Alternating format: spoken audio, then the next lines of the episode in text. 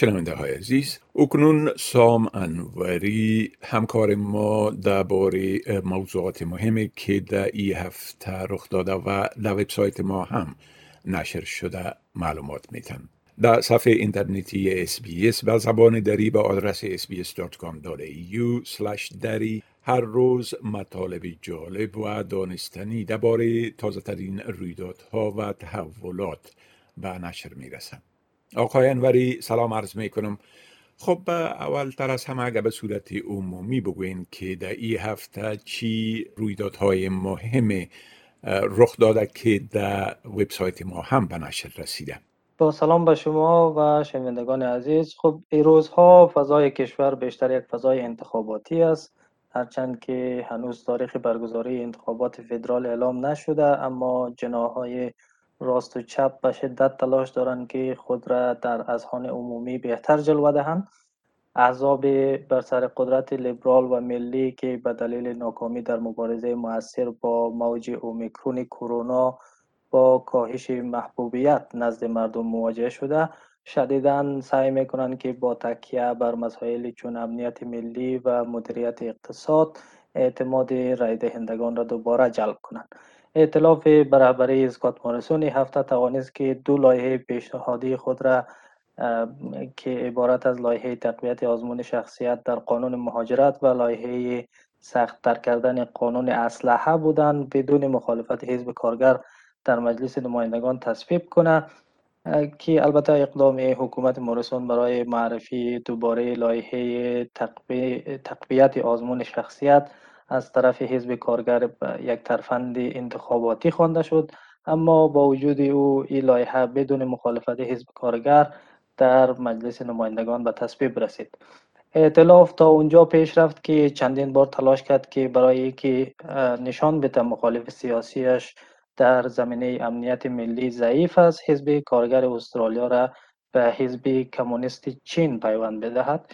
که این موضوع با واکنش رئیس سازمان استخبارات استرالیا ASIO مواجه شد.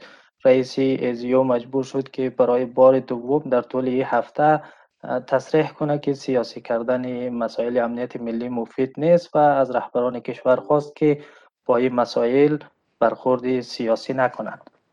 ما در مطلب مفصل شرح دادیم که زمان احتمالی برگزاری انتخابات فدرال 2022 چی وقت می تواند باشد و چی مسائل می تواند برای انتخابات تاثیر داشته باشد.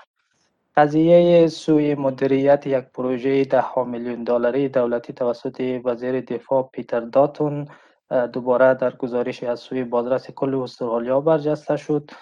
آقای داتون البته متهم است که در زمان تصدی وزارت امور داخله خلاف ارزیابی مسئولان وزارتخانه خود پروژه های را برای تمویل انتخاب کرده که در حوزه های انتخاباتی مربوط به ائتلاف موقعیت داشتند جدا از مسائل سیاسی و انتخاباتی شیوع ویروس کرونا در ایالت های شرقی و جنوبی رو به کاهش گذاشته اما در ایالت استرالیای غربی که مردهایش برای بقیه کشور بسته است سرعت گرفته.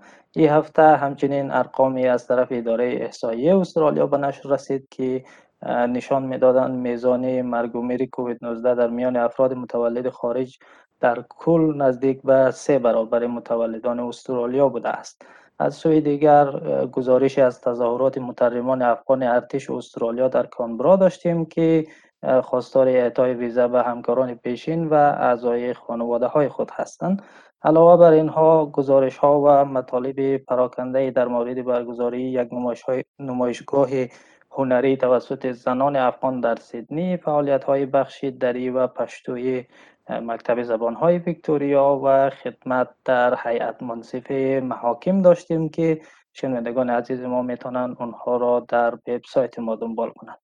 بله خب از گزارش درباره میزان بلند مرگ و میر ناشی از کووید 19 در بین مردم متولد در خارج از استرالیا گفتین. اگر در این باره یک مقدار توضیحات بتین بله همانطوری که اشاره شد داده های منتشر شده از سوی اداره احصایه استرالیا نشان میتن که میزان مرگ و میر کووید 19 در میان افراد متولد خارج در کل نزدیک به سه برابر کسایی بوده که در استرالیا متولد شدند اداره آمار استرالیا بار نخست در ماه اکتبر سال گذشته نرخ مقایسه‌ای مرگ و میر کرونا را در بین جوامع مهاجر و متولدان استرالیا منتشر کرد.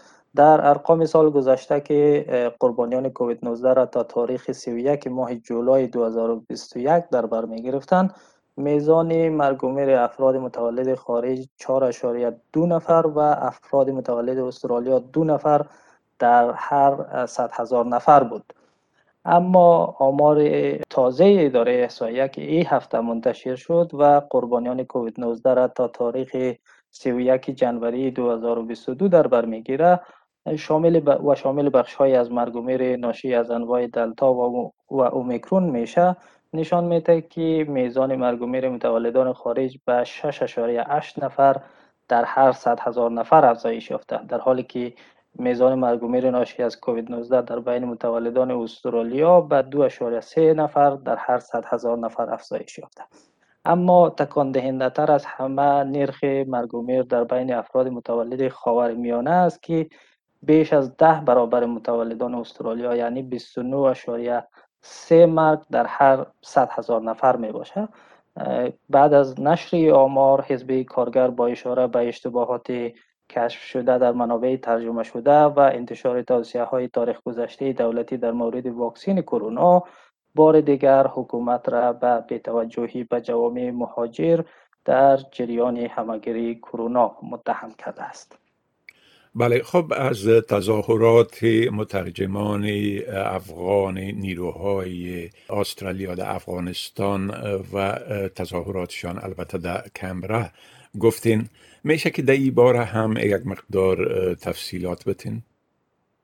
بله شماره از مترجمان افغان ارتش استرالیا تا یک گردهمایی در مقابل پارلمان فدرال خواستار اقدام فوریتر حکومت استرالیا برای نجات همکاران سابق و اعضای خانواده های خود شدند.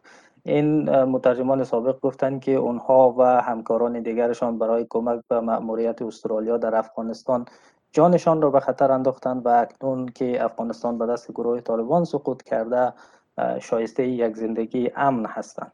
و گفته اونها حکومت استرالیا در شش ماه گذشته به اونها قول داده که درخواست ویزه خانواده هایشان را بررسی می‌کنه اما تا هنوز حتی یک ویزه هم صادر نکرده.